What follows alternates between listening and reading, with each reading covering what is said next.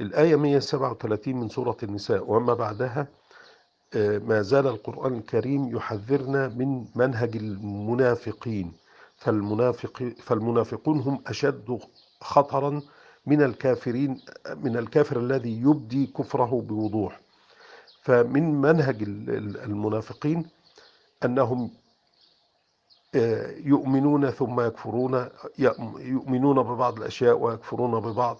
أو يؤمنون ساعة ويكفرون ساعة إن الذين آمنوا ثم كفروا ثم آمنوا ثم كفروا ثم ازدادوا كفرا لم يكن الله ليغفر لهم ولا ليهديهم سبيلا.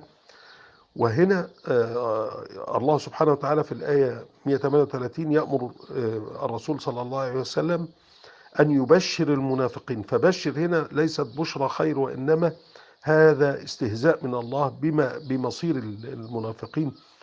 بشر المنافقين بأن لهم عذابا أليما. ومن أقوى أسباب النفاق أنهم يتخذون الكافرين أولياء من دون المؤمنين. فيبتغون القوة والعزة من أن يكونوا تبع للكافرين. وهذا منهج قد نجده حتى في زماننا هذا أن بعض المؤمنين يتولون عن طريق الله ويبتغون العزة في من الكافرين ومن منهجهم.